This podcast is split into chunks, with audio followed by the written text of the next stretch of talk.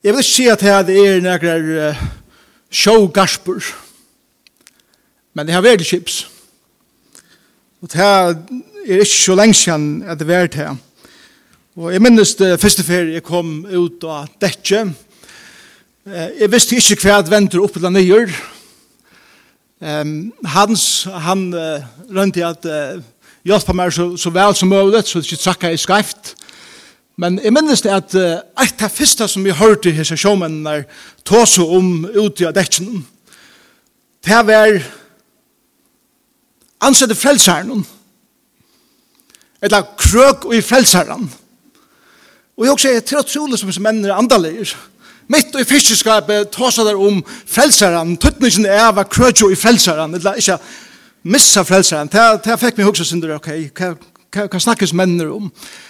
Men jeg lærte egentlig kjøtt at det var ikke endelig at det var så øyelig antallet prat, men det var mer at det var en ende som er av trålen, som er bonden helt at til, til enden av påsen, som gjør til at ta og man haler trålen inn, så må frelseren, Hesten enden, et tjukt, tjukt band, det tå, som, som er på sånn, krøtjast ui en annan enda, som gjer til at ta ui påsen kommer inn, er reiven i skipen så kan enden av påsen littas opp ur sjånen, så at uh, fisken ikke søkker, og pumpene skjedast av, så at fisken kan komme og gjøtlengåen inn i tankene og i skipen.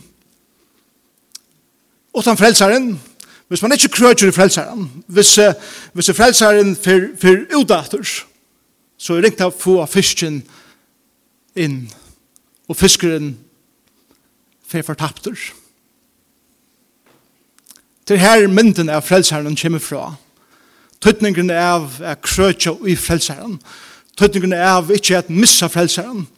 Til at om vi ikke har krøkt i frelseren, så færer vi som fiskeren eisende frelseren fortapt.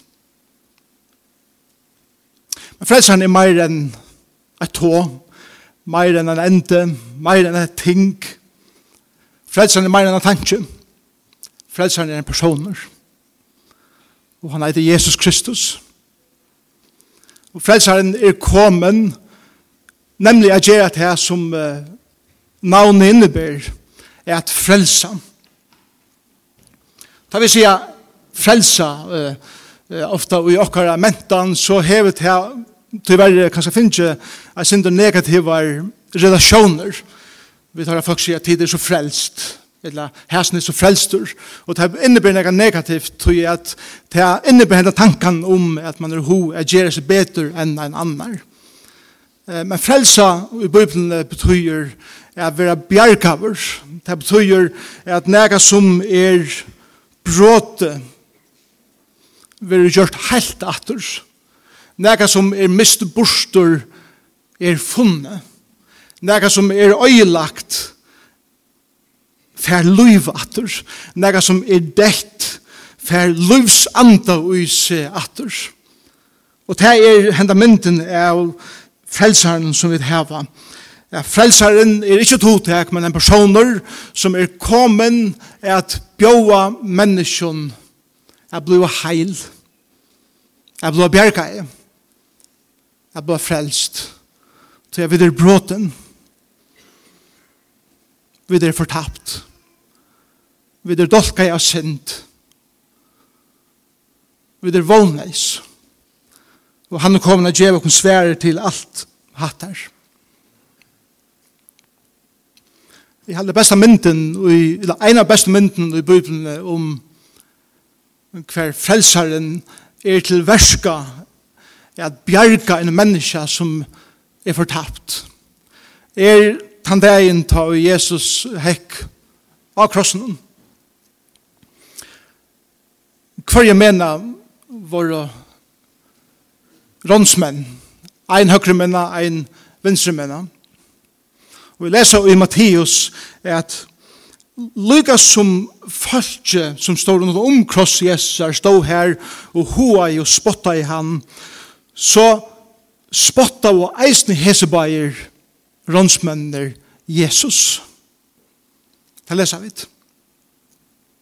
Men da vi kommer ut i Lukas evangelium, og i 23. kapitlet, så tja vi i teksten her at til nega som brøytest i løyvenon tja øron rånsmannen. Mittlen klokkan nudje og klokkan tølv hendur eit eller anna og i sinnenon eller hjertanon tja øron rånsmannen. Vi leser i kapittel 23, vers 23, vi så leis. Annar er rånsmannen, eller ildgeramannen, og i hingu her spotta av han og sier, Er du ikke Kristus? Frelste sjølvan og okkun. Og så leser vi men hin hei et honom og sverre jeg, øttast, heldur ikkje to god, to, som er sånn samme dome, og vit av røtten, to vit få atter til, og gjer okkar her oppår, men hesen, og her peikar han av Jesus, hever ønskeskreift gjørst. Så sier han, ved Jesus. Herre, minst til moin, ta du kjemer og i rujutøynen. Og Jesus sværa i hånden, sannelig sier het her. Og i det skal to være vi mer i paradis. Og i det skal vi to være vi mer i paradis. Jeg husker nekv om heter hva, hva var det som gjør det? At i midten middel klokken 9 om morgenen og klokken 12. blir hese maveren som hongur neldur jøkken føtter og armar. Han blir hugsa. Ikke var hent enn mysker ikke kommer i landet. Det var ungen jarsjolte, det var ungen even naturlig som gjør det som hevren, fikk egen og for Jesus vær som hekk her av krossen, men ui sånne stilla sinne, medan han hunker her, fer en ombrøyding fram i hans herra sinne og eisne og i hans herra hjertan. Her var ungen er prædika fyrir honom. Her var ungen er forteljen om hvordan fortapter han vær, Her var ønsken at samføre han om at hese mævren som han hongar sammen ved Jesus er frelsaren som han kan gjøre sitt liv til og bli heiler. Hva måtte det færre gjennom tankene i han? Jeg vet ikke. Teksteren sier det ikke. Men uh, ta jeg spekulere kan mannen være færre gjennom tankene hos mannen og kvui var som mævren enda var av krossen og ta sender den ildgjøra mævur eller er omsøddegar rons mævur som er finnes sin dom, og han sier at domer var deg av domer, og nå hunker han sin sørste løte av krossen og bøyer inntil han dør. Kan man færre gjøre tankene av honom? Kanskje hever han hoksa om sina fem år gamle døtter, som han ikke ser siden hun var troi, kanskje. Eller kone sina, som ikke klarer i løyve, sammen med en slug mann, og måtte fære fra honom kanskje leide av tankene rett til baden og ærene og hukse hjem, alt som han er mist. Og alt hans sorgen og skommen og øyen som kommer vi tog. Kanskje var det mågongten og arbeidsmarsneinen som gjør det at at han er fall og fall og fall leit han ut i kriminalitet som gjør det at han enda er som en ildgjera maver, som er hans maver. Vi vet ikke hva det er, Men vi vet hvordan er at middel klokken 9 klokken 12 blei hessen mever meir og meir tiande og i mian fjölden helt av a spotta Jesus som hekka krossen og hessen ti meir og meir og huksar meir og meir. Og fyrir meir og meir innu sånne tankar at huksa om sitt egna luiv og kanska var det skommen kanska var det degen Kanskje var det hugsa om æveleikan som, som nu stod for framman som fikk henne mannen at hugsa om hver han verilega vær og hver han skal støva i løyvenen verilega vær. Men vi lærer hvordan er i sin teksten til at han fikk egen jo oppfyrir sinne støv.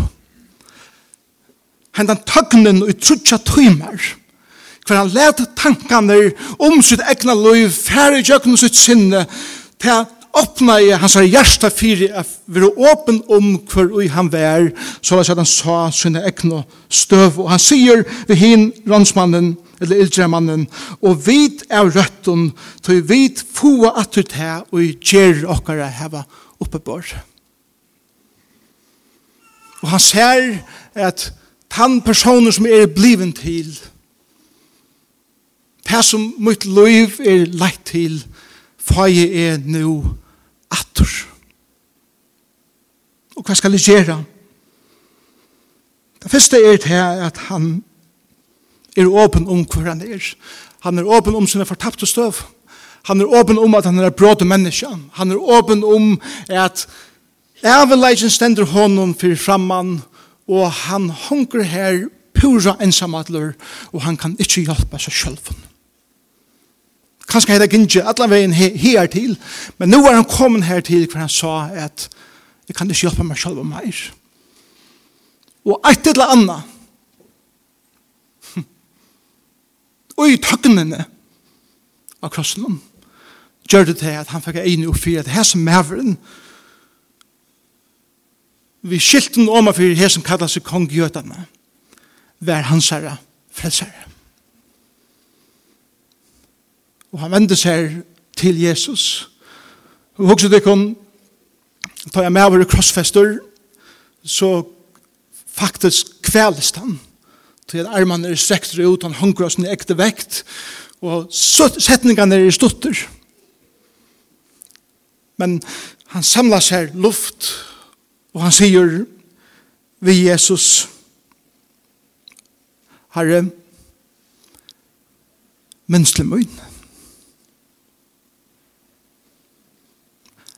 Herre, er menneskelig min. Og til er en utrolig dypt i hessen åren, som er grunnt av å ha nekva nekva tankar som er farne i jøkken hans sinne, og er han kan komme her til og sige, minst til min. Og han får egen opp for at hese mærer som hunker her, er hans frelsare, er personer som kan bjerge honom, ikke ur støvene som han er ui, men ui støvene som han er ui. Minsle moin, ta det kjemer, ui rydgetøynen. Han råpar nu hjelp. Legg meg ikke til hva Jesus sier. Sannelig, sier det her, og i det. Og i det skal to være med mer, og i para dus. Er det ikke fantastisk å huske det kun? Anker sagt så er det fyra, det er fem evangelier. Det er Matteus, Markus, Lukas, Johannes og så to. Det er aller fleste leser anker til henne fyra, men det leser til og med av. Men legg meg ikke til at Jesus representerer oss som personer som ikke kommer vi i ødelens listen noen som vet mange kommer vi om en person skal komme til frelseren. Rånsmæren fikk ongan chans å liva opp til listene som vi mengan krevja og seta av folk, kanskje ikke vi vilja alt, men som folk føler mengan, at de skulle liva opp til og er de kunne komme til frelseren og sier vi han minst til møyen frelseren hessen ildsjermæren les ångande i Bibelen. Han fikk ångande tøy å komme et møte etla i kyrkjen. Han fikk ångande tøy at heva hesa lengur bønnar. Han fikk ångade tui av involvera over i omkring tænaste og gjer okkur til nytt og rent antallia. Han fikk ångade møvleikan er djeva til det fatak eller neka.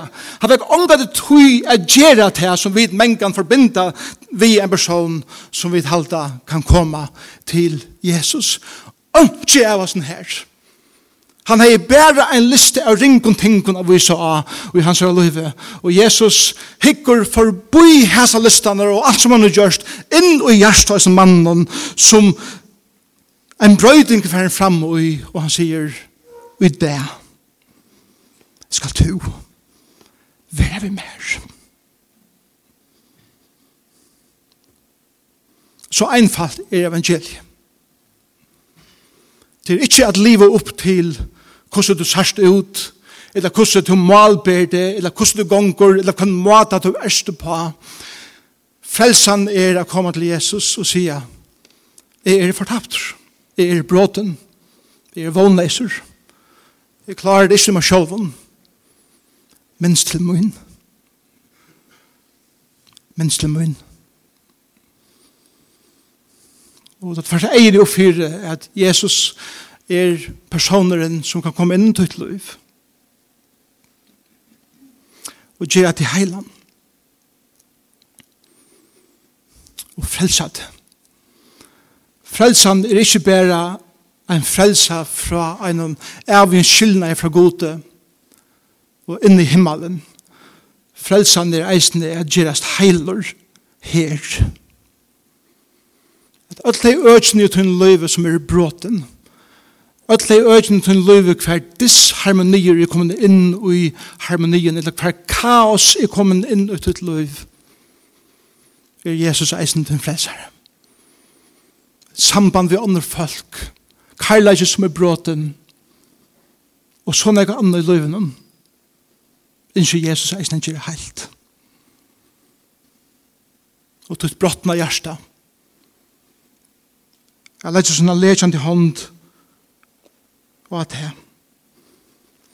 Det som er en sa sin egen støv. Han fikk tøy at huksa om sin egen støv. Han sa frelsaren henge av krossen og fikk egnu fyrir hvor han var. Og han be om hjelp. Hjelp.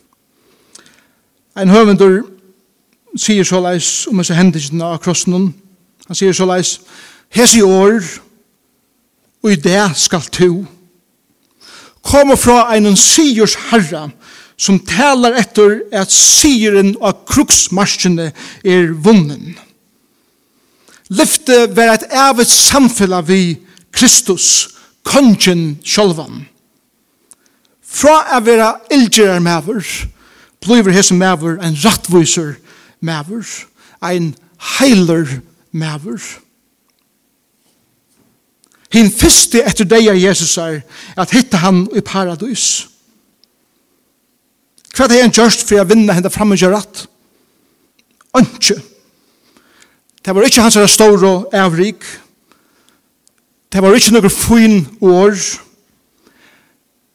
Det var ikke hans er omdømme. Det Det var ikke hans navn, etla etternavn. Best einføld omvending og trygg av sån Guds og hans er fullgjørte versk av krossen. Så einfalt er evangeliet. Da jeg var til Kips, så, så ble det en sånn frakt for meg at renne etter frelseren. Ta jeg trådde kom inn, og menn røpte, krøker frelseren, så rønte jeg halda meg fram et, hvis han slåa jeg meg. Og jeg synes jeg fyrir at dette bandet som skulle krøkjas ui, dette veldige endan som, som, som var bonden at endan av påsanden, så, så fisken kunne komme opp ur sjånen. Vær forbunden i en annan enda, som hekk og i golganen her atre. Og jeg held at det var så god mynd deisene. Frelsaren hongur i golganen om bara kipe. Så jeg sa fiskeren kan komme inn og være bjergaver. Og frelsaren hekk av golgata. For jeg vil kunne komme inn og være bjergaver. Så jeg det at dvelja vi krossen er at leiva seg sjálvun er vera speklavur fyrir hverju ein verliga er. Så gjør det Utan at Jesus sier et år. Utan at nekar sier et år. Ta vi koma til krossen og vi tega tøy at hugsa om hverju vi er og Kvært liv okkar hever utvikla seg til. Men vi teka tog. Og til terpjøsa kanskje ikke være en fem år gammel, gammel døtter som du ikke ser sin av tro i. Eller en kona, eller mever som færen. Eller mågong der og slåss noen. Det kan være at det gonger her supervel. Det kan godt være at livet gonger etter en vei som er slatt av for framman til her. Men det viser seg at livet er så fyllt av ødlun at vi gjør okken ikke tøy a stega av og spyrja spurningen hver er jeg? Hver er renni undan, eller hver er renni etter? Har vi er bruk for en frelsere. Hvor lenge siden er det senest tid? Brukte trutja tøymer at hugsa om tekkar liv støv. Jeg som er om at jeg enda en krosse for jeg får hese tøyene.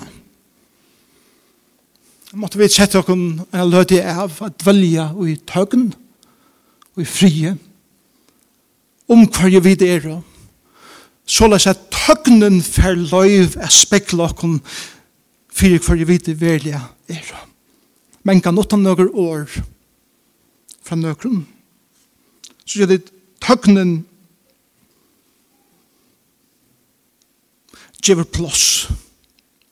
Tøgnen gjever rum for Jesus er at tåse inn ut til liv. Jesus finnes ikke et. Jesus forbannar ikke. Han kritiserar ikke. Og han krever ikke av det her. Enn bare at hitja seg og sier minst til møyen. Tøgnen gjever okken plås for at hitja dere sjolv om, og så gjerne at hitja av han, og så gjerne at sia vi han, minst til møyn. Og ein hatt så omboar rånsmæveren av krossen, okken menneskjøn. Bråten. Og fortapt. Og han råpar av okken fra krossen av og sier vi okken, vil du gjeva der tøy, at hok som tøyna støve. Vil du hok som henda mannen som hekk av krossen for te og for tøyna skuld og for tøyna send. Og vil du sutja han for hvor han verlig er frelsar i heimsins? Og sier vi han, minst til møyn. Minst til møyn. Og han får ikke gjøre det nærkant lista. Han får ikke sette det nøkker krøv. Men han hikker inn til ditt hjärsta, og han sier, og det, og det, her og nå, skal du være mot baden. Vil du gjøre til lov til Jesus? Vil du slippe stoltleikene. Vil du sleppa ötlendelsen her hva ånder huksa og sia om det. Vil du sleppa sånne her kritiska som du kanskje hever finnje av øren kristnen som ikkje ombå Kristus vel. Vil du leta alt her færa og vil du hitja ærlig inn til egna liv